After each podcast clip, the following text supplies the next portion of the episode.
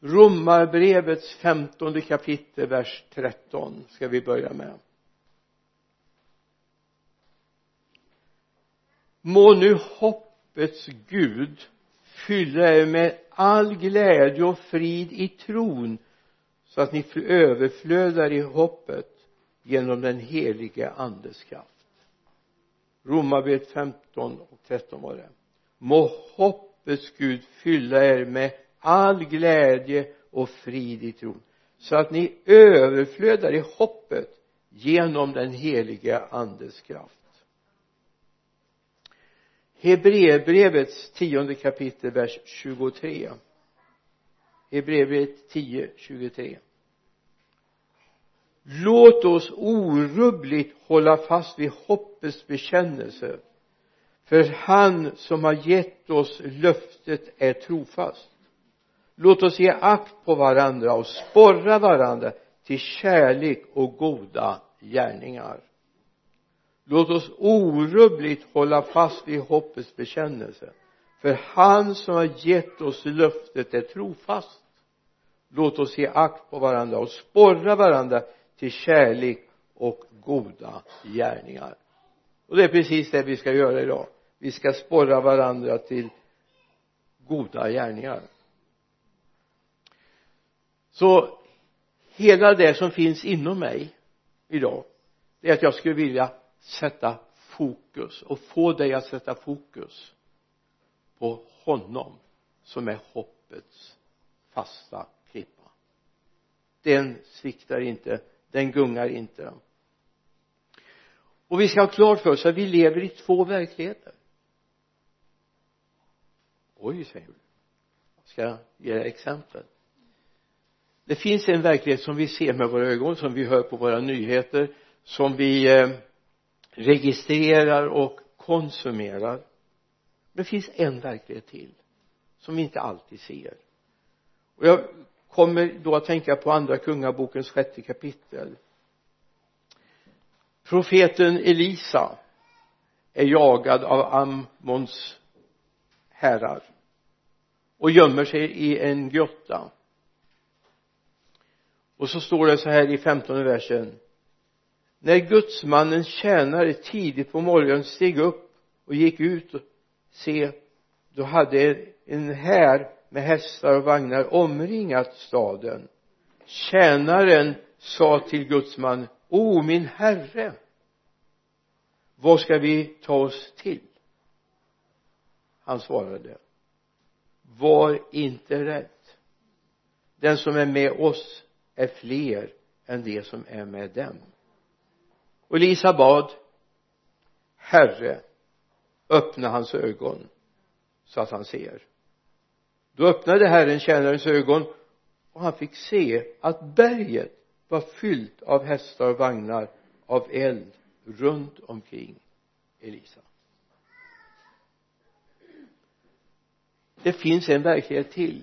Och den bön jag har det är att Gud öppna våra ögon så att vi ser din verklighet. Så vi inte fastnar bara i det nyhetsrapporteringen säger. Att vi inte bara fastnar i det människor i oro säger. När det började hända i torsdags så fick jag telefonsamtal av oroliga människor. Av olika digniteter och olika orosdelar. Men det var oro vart ska jag ta vägen? Vad ska vi göra? Vad händer? Vad händer i Sverige? Och så tänker jag bara Gud vi måste förtrösta på dig. Vi måste förtrösta på dig. Vi ska inte ut och slåss. Utan vi ska förtrösta på vår Gud. Och det är viktigt att vi kommer in i en sån position att vi har honom som vårt huvud. Det är den inriktningen vi har det är inte det vi kan göra mänskligt sett. Jag tycker församlingarna i Ukraina är fantastiska. De möts de prisar Gud även idag fast bomberna faller. Därför de har satt sin inriktning och sitt mål på honom hoppets Gud kan omsluta dem. Och jag tänkte så här vi som församling det kanske är med oss som Mordecai säger till drottning Ester. Ni vet de var judar. De var inte så väl älskade i landet. Och hade de fått som de ville så hade de utplånat dem. Men det förs en diskussion mellan Ester och Mordecai en av hennes anförvanter som eh, var lite grann av en inte förälder men nästintill till Ester. Esters boks fjärde kapitel. Och det här är en hälsning till oss som församling. Dig som kristen. Även om du inte är drottning så kan du ju få vara det för ett litet ögonblick då. När man berättade för Mordecai vad Ester hade sagt sa Mordecai att, han, att man skulle ge Ester detta svar. Tro inte att du ensam av alla judar ska komma undan för att du är kungens i kungens hus. För om du tiger denna gång kommer hjälp och befrielse till judarna från annat håll. Men du och din fars hus kommer att gå under. Vem vet kanske är det just för den här tiden som den som du har fått uppnå kunglig värdighet kanske just för den här tiden. Fundera. Kanske det är precis för det som sker just nu som du har blivit frälst. Kanske du har en position som är långt mycket större och viktigare än vad du ser just nu. Det kan hända att dina böner din trofasthet din förtröstan på Gud är oerhört viktig för de som finns runt omkring just nu kanske hur du reagerar i den här orostiden är oerhört viktigt för din omgivning. Det handlar inte bara om dig. Du är satt i en församling för de andras skull. Du är inte bara frälst för din egen skull. Det är väldigt enkelt vi ser så. Ja men jag är på väg till himlen. Hur det går med de andra kanske jag har ett ansvar för kanske du är satt i kungens gudens närhet för just denna tid. Det är kanske är här du behöver vara nu. Det är kanske därför du lovsjunger och prisar honom inte bara för att du själv ska bli räddad utan kanske du ska vara med och rädda en värld. I romarbrevets tionde kapitel vers 13 står det så här vers 13 och någon vers framöver. Var och en som åkallar Herrens namn ska bli frälst. Och det är punkt. Men det tog inte slut där. Det fortsätter sen. Men hur ska de kunna åkalla den som de inte kommit till tro på? Och hur ska de kunna tro på den som de inte har hört? Och hur ska de kunna höra om ingen predikar? Och hur ska de kunna predika om de inte blir utsända? Som det står skrivet hur ljuvliga är inte stegen av dem som förkunnar det goda budskapet? Är det du som predikar det goda budskapet? Låt världen se grannen, arbetskamraten att du har funnit tryggheten. Du vet på vem du tror människor runt omkring kommer att bäva just nu. Men vi har funnit honom. Och låt människor få se det. I Johannes evangeliets första kapitel finns det en spännande berättelse här. Verkligen. Att någonting händer. I fyrtionde versen så står det om Andreas, Simon Petrus bror var en av de två som hade hört vad Johannes sa och följde Jesus han fann först sin bror Simon och sa till honom vi har funnit Messias. Det betyder Kristus den smorde och han förde honom till Jesus. Jesus såg på honom och sa du är Simon Johannes son. Du ska heta Kefas. Det betyder Petrus. Nästa dag beslöt Jesus att gå därifrån till Galileen. Då fann han Filippos och sa till honom följ mig. Filippus var från Betsaida samma stad som Andreas och Petrus. Filippus fann Natanael och sa till honom vi har funnit honom som Moses skrev om i lagen och som profeterna skrev om Jesus Josefs son från Nasaret. Och vi skulle kunna fortsätta läsa. Frågan kommer något gott ifrån Nasaret? Men man stannar inte där. Utan vi har funnit vi har funnit det som evangelierna handlar om. Vi har mött honom. Det är inte hörsägner vi har mött honom själva. Vi har stått öga mot öga mot honom. Vi har känt kallelsen ifrån honom. Jag hoppas inte du är bara här för en hörsägens skull utan därför att du har mött honom personligen. Du har varit med honom. Jag tänker på kvinnan uppe i i Dalarna när jag var där som evangelist för många år sedan så berättade de om Edith som bodde ute efter i Bonäs älskar Jesus. Vad hade väldigt spartanskt väldigt spartanskt. Men hon hade en egenskap och det var att när ungdomarna i samhället som annars blev gäck med henne därför hon hade bara en väggfast bänk och ett väggfast bord i sitt lilla rum och en väggfast säng. Det var vad hon hade men då gick man dit om man ville höra från Gud. Och ibland drev man med henne. Men en dag kom några som hade gått på högskolan och så hade de ju läst lite mer tyckte de så de visste ju att Gud inte var en verklighet. De visste det. Eller trodde sig veta det. Så de kommer till Edvin och säger du det där med Jesus du vet det är bara en myt. Det ska du inte tro på. Och håller en lång utläggning om vikten av att tro på det verkligen sanna. Och sen avslutar man med att säga du vet den där Jesus honom kan man inte ha kontakt med. Titta bara Edith på dem? Lite sådär försiktigt och säger det är lite märkligt sånt jag pratade med honom i morse.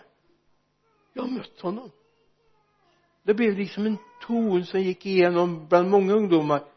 Men hon säger och vi tror henne hon har mött honom och pratar med honom. Det är viktigt att du med ditt vittnesbörd i den här tiden ger skäl för det hopp du har i honom. Vi tror på hoppets Gud. Vi tror inte på ofärdens Gud. Vi tror på hoppets Gud. Trots att vi ser vad människor lider så vet vi att det finns en framtid och hopp. Vi är helt övertygade. Även om vårt land skulle drabbas så vet vi vi tror på hoppets Gud. Vi har fått den sanna verkligheten berättad för oss. Precis som tjänaren till Elisa får sina ögon öppnade och ser någonting som hans mänskliga ögon inte ser. Och jag hoppas att du är där så att du vet det finns någonting mer än det nyhetsrapporteringen säger. Mer än vad nyheterna presenteras i tidningar eller tv det finns någonting mer. Sen kan jag känna ibland att det verkar som till och med nyhetssändningar och tv-program börjar berätta lite mer om för dem ännu en okänd Gud. Men det gjorde de ju i Aten också. De trodde ju på en okänd Gud och så kom en Paulus och berättade för dem. Kanske du är den här tidens Paulus i det här området? Okej okay, ni tror på en Gud. Vi har mött honom. Vi vet vem han är. Det är viktigt att du vågar berätta om honom. Sen är det lite märkligt om du tar det här andra eh, konungabokens sjätte kapitel. Om du kommer lite längre fram. Först ber Elisa att ögon ska öppnas. Och sen ber han att folk ska bli slagna med blindhet de som är motståndare de som skulle attackera Elisa de blir slagna med blindhet. Och det är en lite märklig nästan lite så här, jag skulle vilja att du läser den storyn för den är häftig alltså. Hur de i sin blindhet blir ledda mitt in i Samaria. Och sen ber han att de ska öppna ögonen så ser de de är på fel ställe. De är bara omringade av de som är deras motståndare och så säger de ska vi göra ner dem? Nej säger Gud ni ska inte göra ner dem. De ska få en läxa och så ska de gå hem till sitt folk och tala om att jag finns. Så Gud kan leda. Det är, det är en häftig berättelse. Den får du läsa vid något tillfälle. I sjätte kapitlet i andra kungaboken bortåt vers 20 ungefär. I det här med hoppets Gud så är det inte bara en häftig grej det är viktigt att du lär känna honom. Att du avsätter tid för att vara med honom. Om du ska bli bekant med någon om du ska lära känna någon så är det inget du gör på en kafferast. Det tar mer tid. Och någonting du har lärt känna det får ta tid. Det får ta tid. Och det är viktigt att du ser det. Det får ta tid att lära känna honom i andra i Hebreerbrevets tolfte kapitel verserna 1 till 3 det beskriver Hebreerbrevets författare när vi nu har en så stor sky av vittnen omkring alltså de som har gått före de som har gjort vandringen på jorden tidigare. Låt oss då lägga bort allt som tynger och särskilt synden som snärjer oss så hårt och löpa uthålligt i det lopp vi har framför oss. Och så står det i vers 2 och låt oss ha blicken fäst på Jesus trons upphovsman och fullkomnare. För att nå den glädje som låg framför honom uthärdade han korset utan att bry sig om skammen och sitter nu på högra sidan om Guds tron. Tänk på honom som har utstått så, sådan fiendskap från syndare så att ni inte tröttnar och tappar modet. Då tänkte jag så här jag tror det här är lite missuppfattat. Att fästa blicken på Jesus.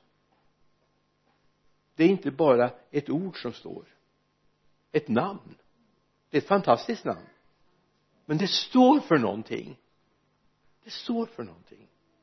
Det är som om du finge en hundradollars sedel till exempel.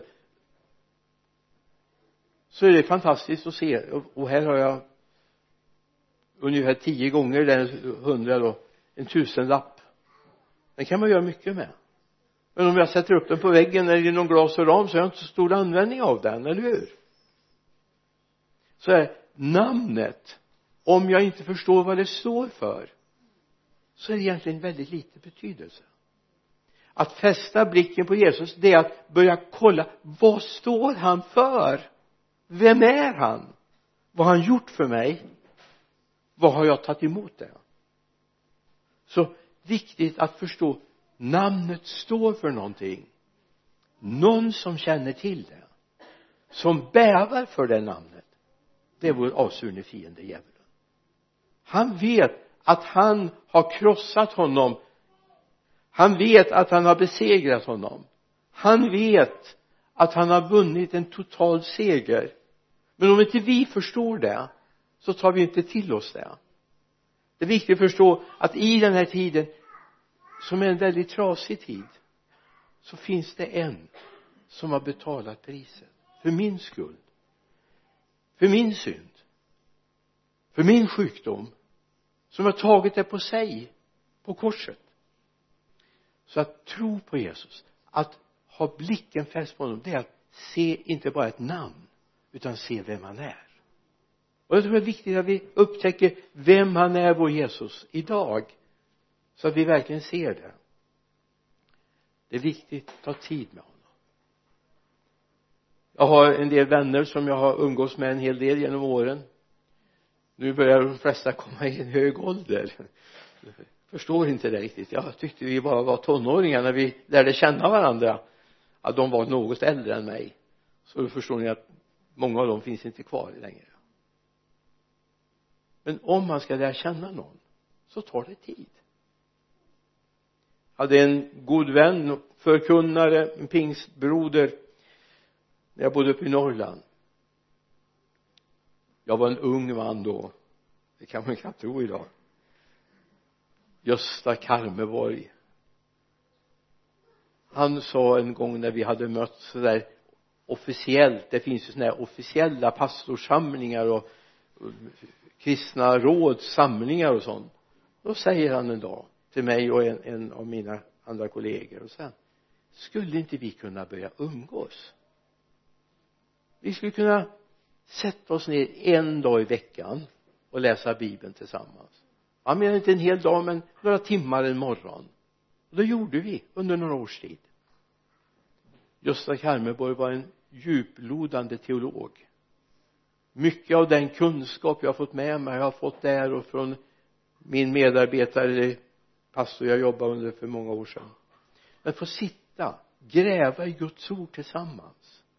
Få bryta bibeltexterna mot varandra. Börja se vad står det egentligen? Och vilket bibelord belyser vilket bibelord? Där utspann sig också en vänskap som var väldigt mycket djupare än bara de där studiestunderna. Hans fru fikade, ordnade fika och vi fikade tillsammans, vi samtalade, vi bad tillsammans, vi grät tillsammans, vi jublade tillsammans. Han var av den typen som jag bara älskar att umgås med. Han kunde ha lika stor glädje och framgång i en annan församling än sin egen.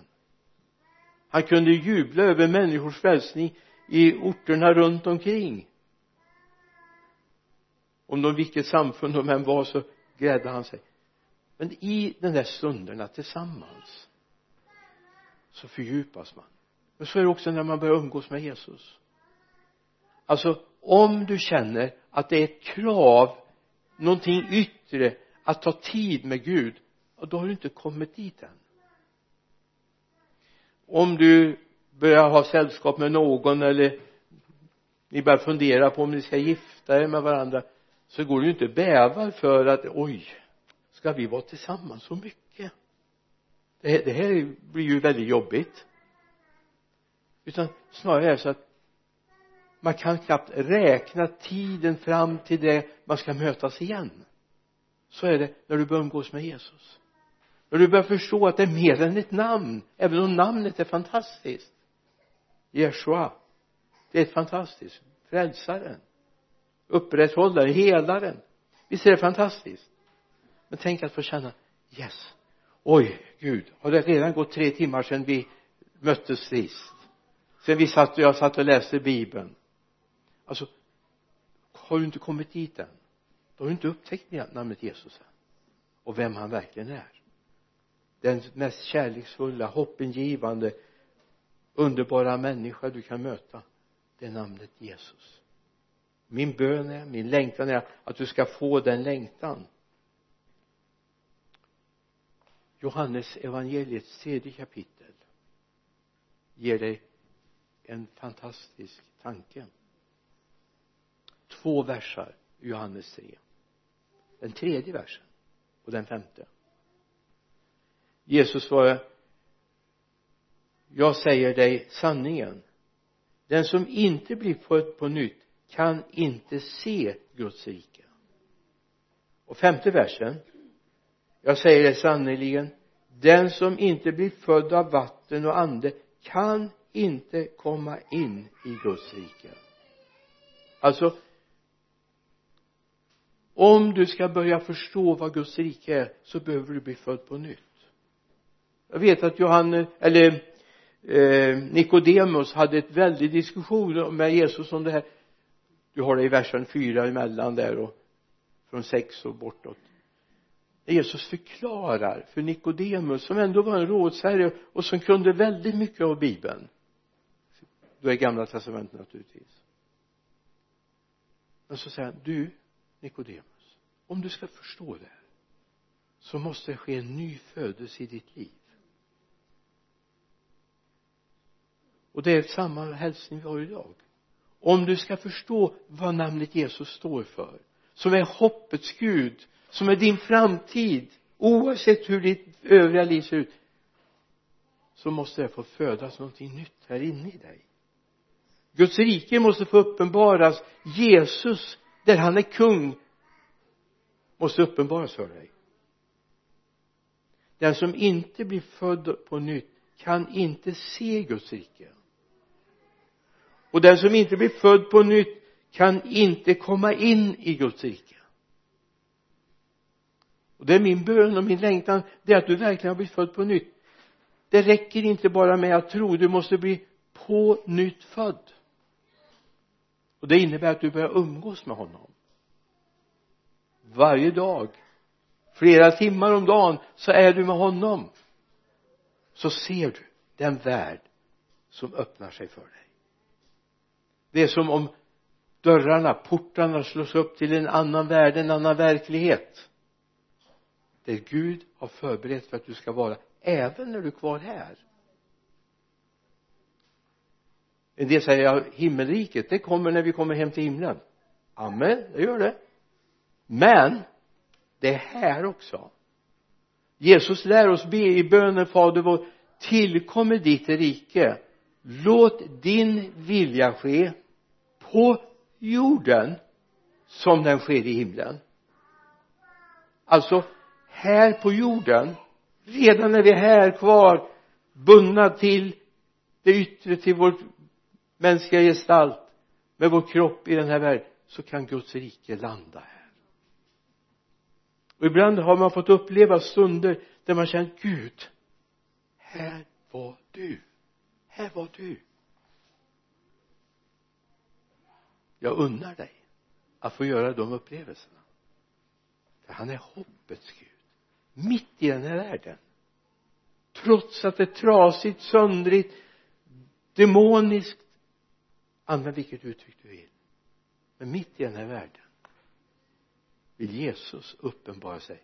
Och du får flytta in i Guds rike mitt i den trasiga världen. Och du får bli en del av Guds rike. Gud välsigne välkommen in i hans gemenskap. Låt oss be tillsammans. Far jag bara tackar dig för att du finns i den här världen. Trasiga, söndriga ondskans plats. Där finns du också. Och här har du placerat en församling. Både här i Sverige men också i Ukraina och i Ryssland. Det finns människor som just nu lyfter upp ditt heliga namn. Tack herre för dem tack herre för dem. Och tack herre för att vi får vara en del tillsammans med dem. Vi ber dig i Jesu namn. Så ber vi om beskydd för människor i vår värld just nu. Låt ditt rike få bryta in. Både i presidentpalats och bland sjukvårdspersonal. Herre låt ditt rike komma. Vi ber dig i Jesu namn. Amen.